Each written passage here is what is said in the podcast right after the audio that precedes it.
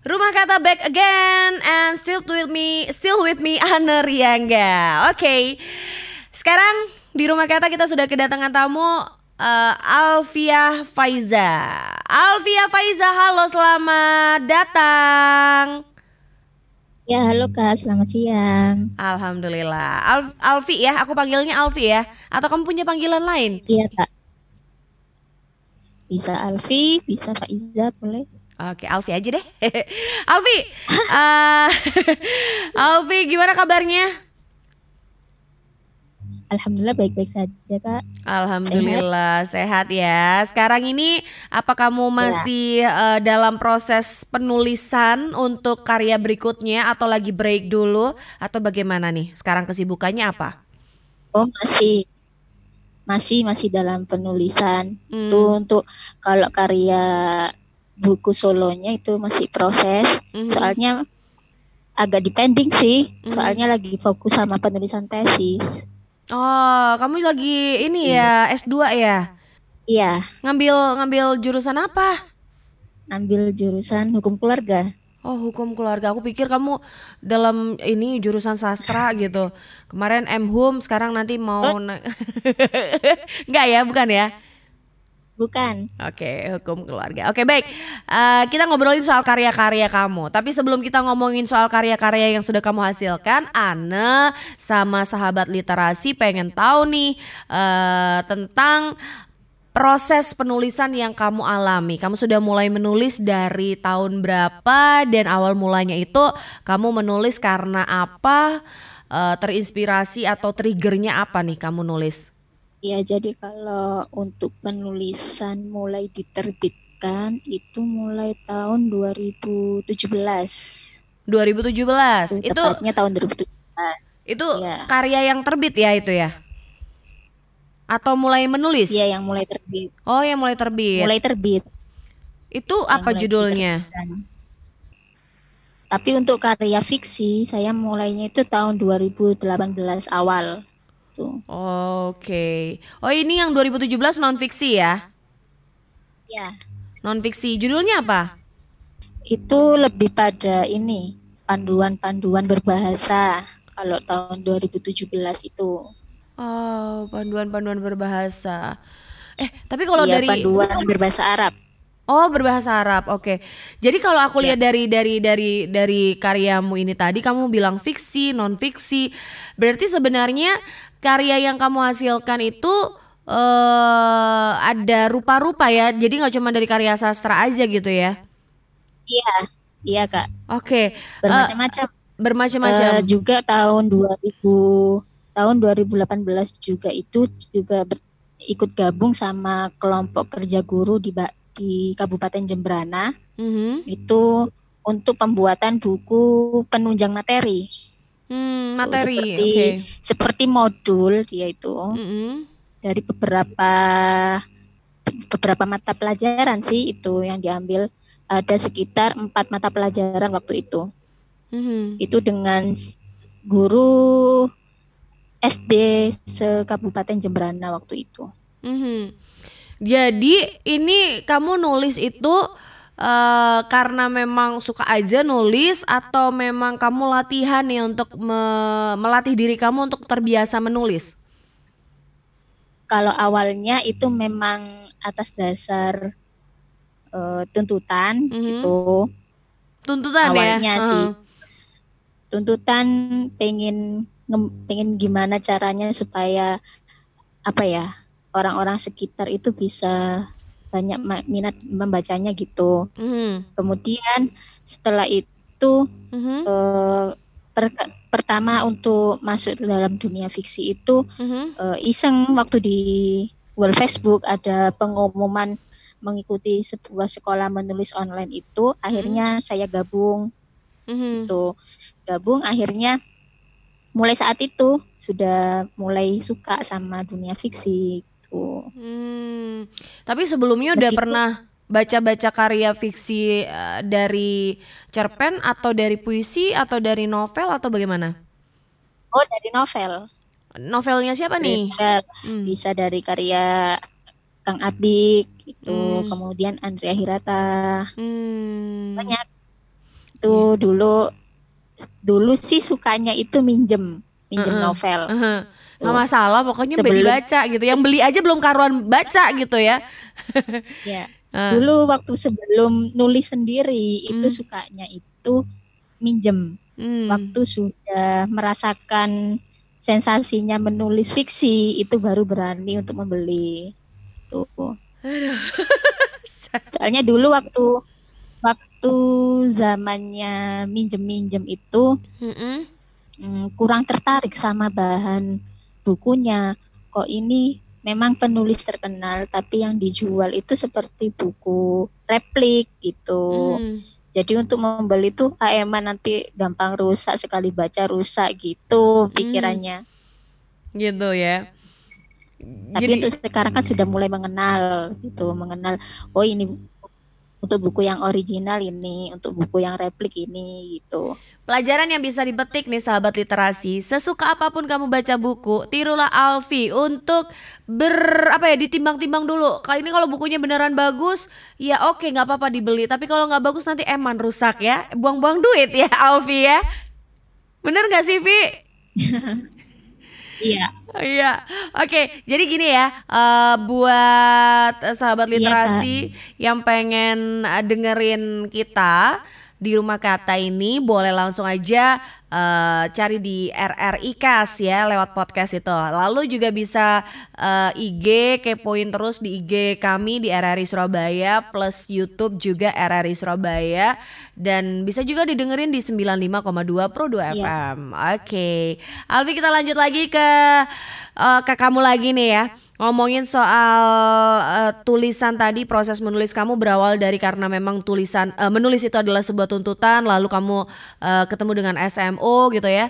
Eh, terus akhirnya kamu tertarik Iya. untuk menulis fiksi dan akhirnya mulai baca-baca fiksi juga dan akhirnya juga menulis gitu ya.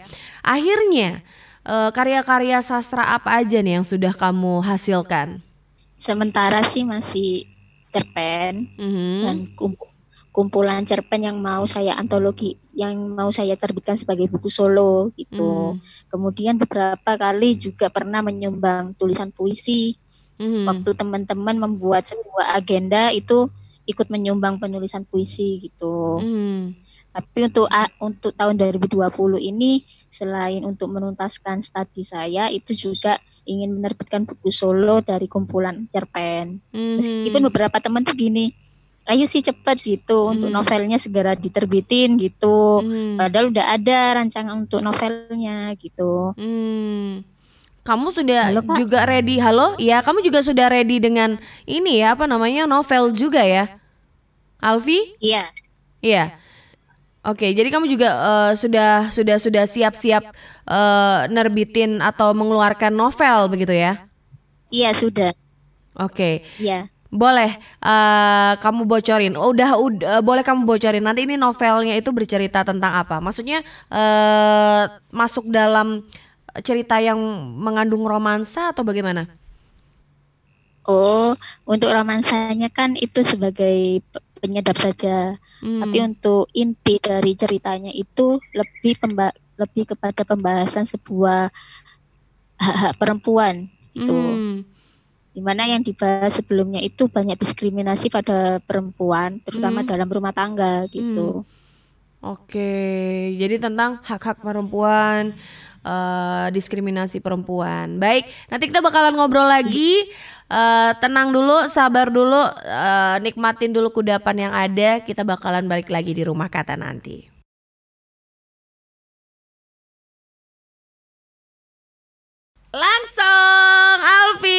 Balik lagi masih di rumah kata masih sama Alfi sang penulis kita di rumah kata kali ini. Oke, Alfi boleh dong eh, kamu ceritain untuk karya-karya sastra kamu ada apa saja?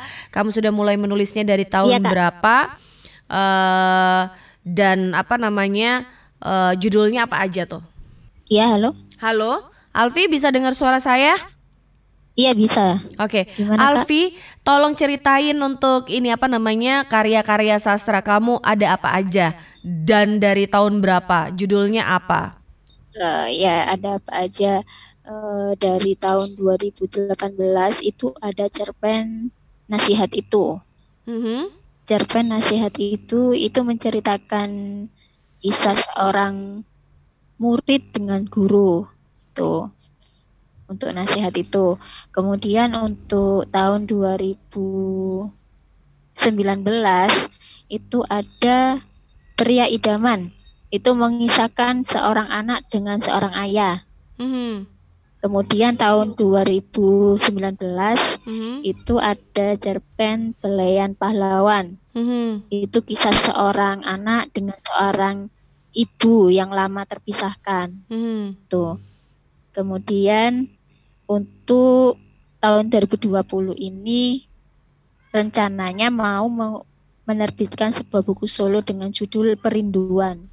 Itu banyak kisah-kisah cerpen. Beberapa sih tentang kisah orang tua dengan anak, Mhm. kemudian teman dengan sahabat, eh antar, antar sahabat Hmm. gitu. Kemudian antar seorang guru sama lah, intinya dalam ruang lingkup tersebut. Cuman nanti ada apa ya konflik-konflik tersendiri dalam setiap ceritanya. Oke, ini dengar-dengar kamu ah, ini ya apa eh jalur pendidikan yang kamu tempuh adalah pondok, benar? Kamu pernah mondok? Iya, Eh, karya oke, karya-karya literasi kamu apakah ada ter apa namanya? te ter eh, latar belakang ter, Terinspirasi. ya terinspirasi dari eh, kehidupan kamu selama mondok? eh, beberapa ada dua sih sementara yang backgroundnya itu ceritanya itu memakai latar belakang pondok gitu. Hmm. Cuman yang dipakai itu bukan pondok yang waktu saya mondok dulu, Hmm. eh, menceritakan pondok lain gitu. Hmm. Cuma untuk untuk kisahnya itu beberapa eh, dari pengalaman teman-teman waktu konsultasi, waktu Hmm. teman-teman curhat gitu. Mhm. Kemudian diolah dengan beberapa konflik sehingga bisa menjadi sebuah cerita. Gitu. Ada unsur religinya juga nggak? Eh, ada Hmm. Boleh Tentu di pa- Hah? masih pada ruang lingkup untuk dakwah sih gitu. Hmm. Itu masuk dalam yang non fiksi ya? Eh, masuk dalam fiksi Yang atau non fiksi. Oh, yang fiksi ya. Oke. Fiksi. Ya. Oke, yang cerpen Yang itu fiksi. tadi ya. Kalau untuk yang non fiksi itu lebih pada materi-materi gitu, Hmm. panduan-panduan. Baik, baik. Oke, dan untuk kali ini Ana pengen tahu juga dalam kendala kamu menulis apa aja nih yang kamu temukan eh, selama berproses menulis itu tadi kendala-kendalanya. Kendala terbesar itu rasa malas. Rasa malas. Rasa malas. Kadang gini, kita bisa nulis sekali duduk itu bisa sampai tuntas satu cerpen itu bisa. Hmm, Cuman untuk yang lama itu kan proses editingnya hmm, harus dibaca berulang-ulang, harus dilihat dari kata per kata, kalimat per kalimat gitu. hmm, Harus detail tanda bacanya dan lain-lain itu. Nah, yang bikin males itu ya untuk editingnya itu yang bikin males gitu. hmm. Kalau untuk membuat kerangka dan nulisnya itu bisa sekali dua kali duduk selesai gitu. Mhm. Cuman untuk proses editingnya itu yang agak ah nanti ah nanti itu yang perlu tantangan besar yang harus di itu sih gitu yang harus dibantai. harus dibantai. Wah, sadis banget dibantai. Tapi ini gini, eh, kalaupun kamu udah tahu bahwa rasa malas itu adalah iya, eh, udah tahu rasa malas itu adalah eh, kendala terbesar dalam proses eh, penulisan kamu, apakah sejauh ini kamu juga sudah menemukan cara untuk mengatasi rasa malas itu tadi?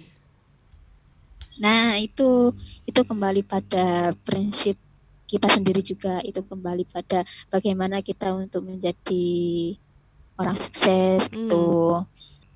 Saya sih sering menonton nonton video-video motivasi gitu. Mhm. Hmm, bagaimana untuk bisa mentar mengejar target hari ini itu sampai tuntas itu dimulai dari bangun tidur Mhm. bangun tidur harus tepat waktu dan lain-lain itu harus eh, kita dari bangun tidur itu harus ada niat untuk menuntaskan se- semua aktivitas kita itu harus tuntas hari itu juga gitu Mhm. segala apa pun yang diselesai yang dikerjakan itu harus selesai gitu Hmm. Eh, seperti bangun tidur dan merapikan tempat tidur itu juga harus selesai waktu itu Mhm. kemudian untuk eh, mengumpulkan energi positif tuh, Mhm. ketika pada pagi hari itu Mhm.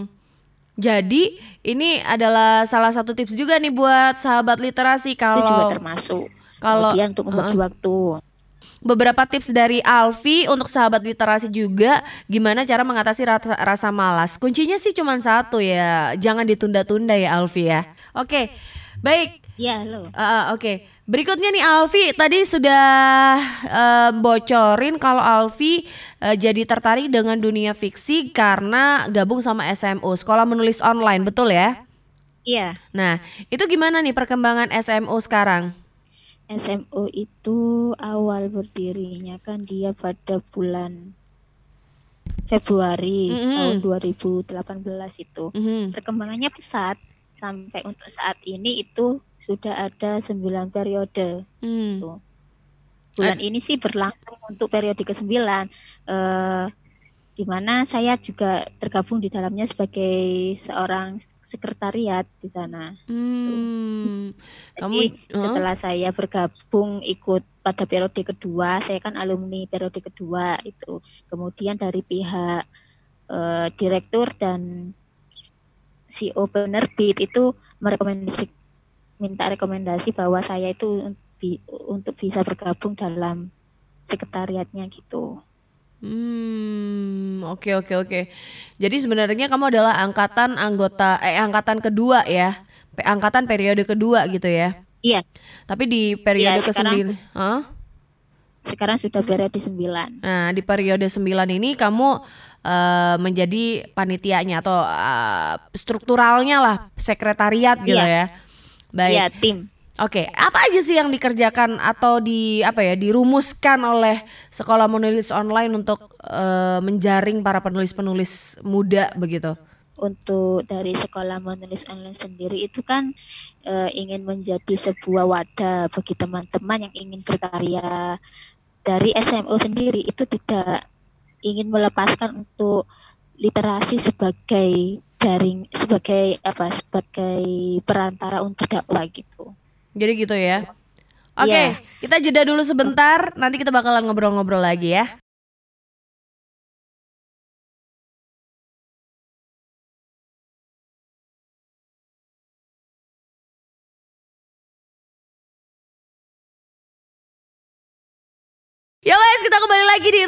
Kata Sama saya Ana Riangga sebagai tuan rumah Dan tamu kita kali ini ada Alfi ya Faiza atau Alfi. Alfi sudah mengeluarkan banyak banget karya tulis eh, Yang berkaitan dengan fiksi dan non-fiksi gitu ya. Jadi dia tuh hobinya nulis nih sahabat literasi Eh, ya jelas dong gitu ya. Yang namanya penulis ya harusnya nulis gitu kan.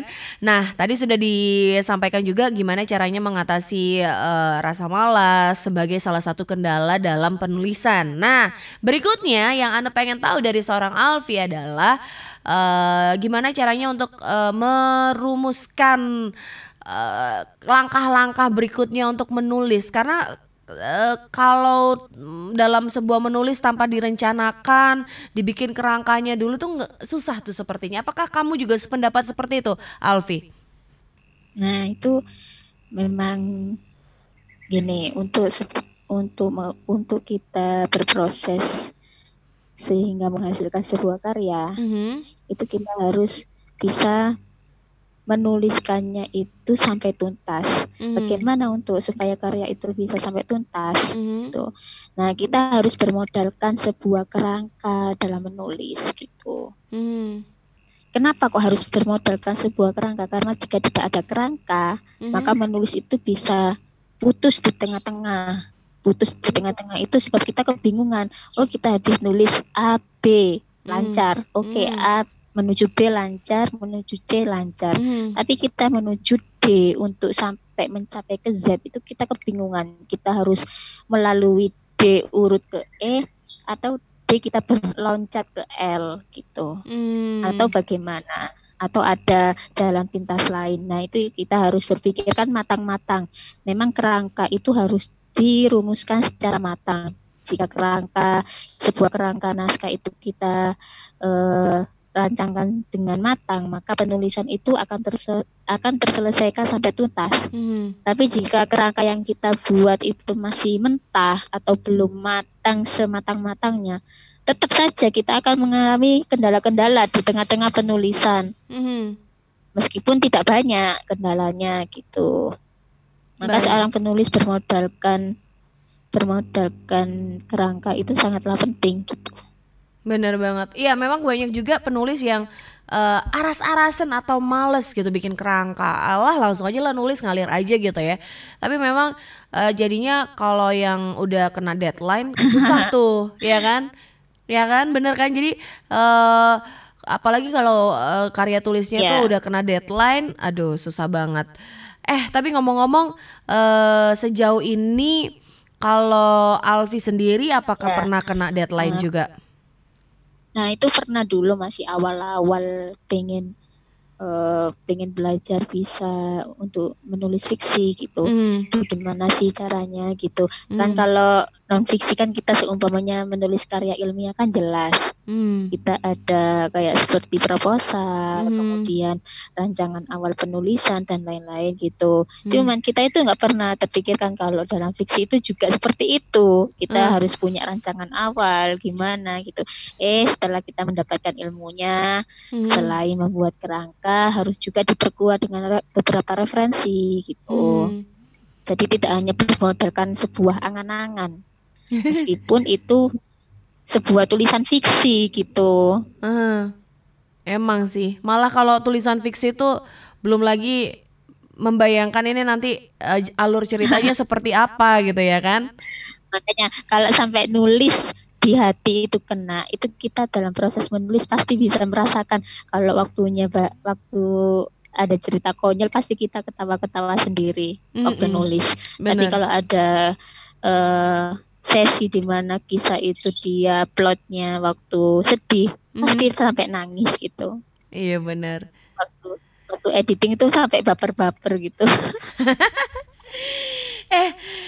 ini uh, kamu di karena ikut SMO makanya kamu jadi gampang menerbitkan karya kamu atau kamu menerbit untuk me, apa karya kamu sampai di eh, penerbitan itu kamu usaha sendiri atau bagaimana? Oh, pertama dari sekolah menulis online. Mm -hmm jadi dari pertama uh, dari SMO, kemudian dari SMO itu uh-huh. uh, ada tugas akhir kan, ada uh-huh. tugas akhir selama kita belajar satu bulan itu kita diberikan tugas akhir untuk menuntaskan sebuah tulisan sehingga bisa diterbitkan gitu. Uh-huh. Gitu.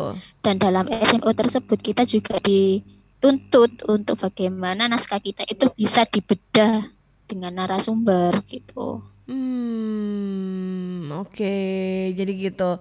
Lah, terus setelah kamu lepas dari SMO, itu kamu eh, karya kamu kamu terbitin secara gimana nih? Maksudnya kamu do, eh, menawarkan karya kamu ke penerbit penerbit penerbit yang lain atau bagaimana?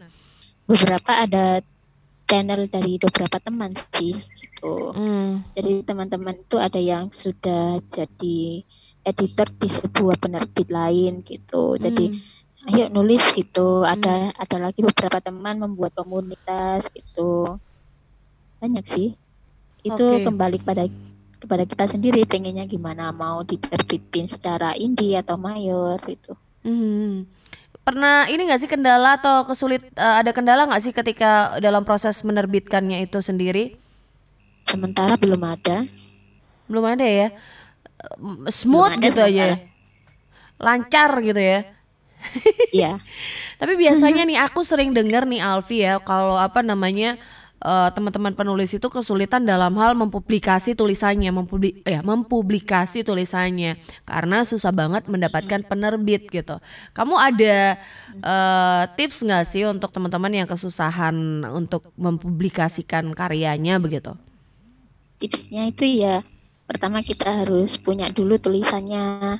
Hmm. Kemudian setelah kita siap untuk tulisannya, kita harus berani untuk menghubungi beberapa penerbit. Tuh, hmm. kita harus berani milah penerbit mana yang berani untuk menerbitkan karya kita.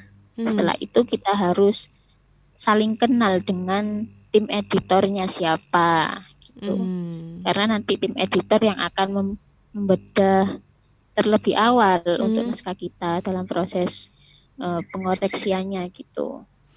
Gimana nih kalau semama ada seorang penulis yang pengen belajar ke kamu bisa nggak? Bisa. Bisa. Gimana caranya? Apa mungkin kamu buka kelas online sendiri atau gimana? Sementara sih dari beberapa teman sendiri, teman-teman dekat itu saya rekomendasikan untuk ikut sekolah menulis online di Mitra Karya gitu. Hmm. Cara cara cara cara daftarnya gampang ya bisa cari di daring ya, bisa cari di portal Iya. media gitu ya.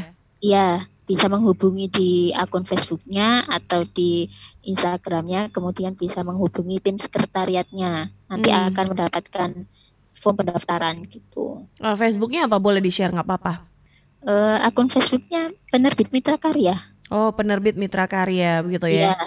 sekarang sudah ada untuk akun Facebook SMO Mitra Karyanya sendiri gitu. Oke, itu untuk ini ya apa namanya? Untuk eh, ini kan kemarin eh ini periode masih periode 9. Itu untuk Iya. pendaftarannya untuk periode 10 atau bagaimana? Jadi Iya. dalam satu tahun itu hanya satu periode begitu kan? Enggak, Kak. Hmm, Eh, gimana? Periodenya tiga bulan sekali sekarang. Oh, I see. Jadi dalam satu tahun bisa ada satu, dua, tiga, empat, Tiga. tiga ya, tiga, Iya. tiga periode begitu ya. Iya. Oh, I Dulunya see. itu Hmm. dulunya satu bulan, satu Hmm. bulan sekali. Kemudian sesuai evaluasi, kemudian dibuat dua bulan sekali. Akhirnya sekarang dibuat untuk tiga bulan sekali, mulai SMO 9 ini. Oke, Dibuat terakhir nih semangat buat para penulis-penulis sekarang, penulis pemula dari seorang Alfiah Faiza. Itu eh, penggebraknya eh, para pendiri timnya itu senior saya waktu di pondok gitu. Hmm. Oke, ini memang kita sudah masuk ke sesi terakhir obrolan kita bareng Alfi di Rumah Kata edisi hari ini. Kita akhiri dulu karena kebetulan juga sambungannya terputus sama Alfi ya. Thank you so much for listening and watching on Rumah Kata with me Riangga. See you.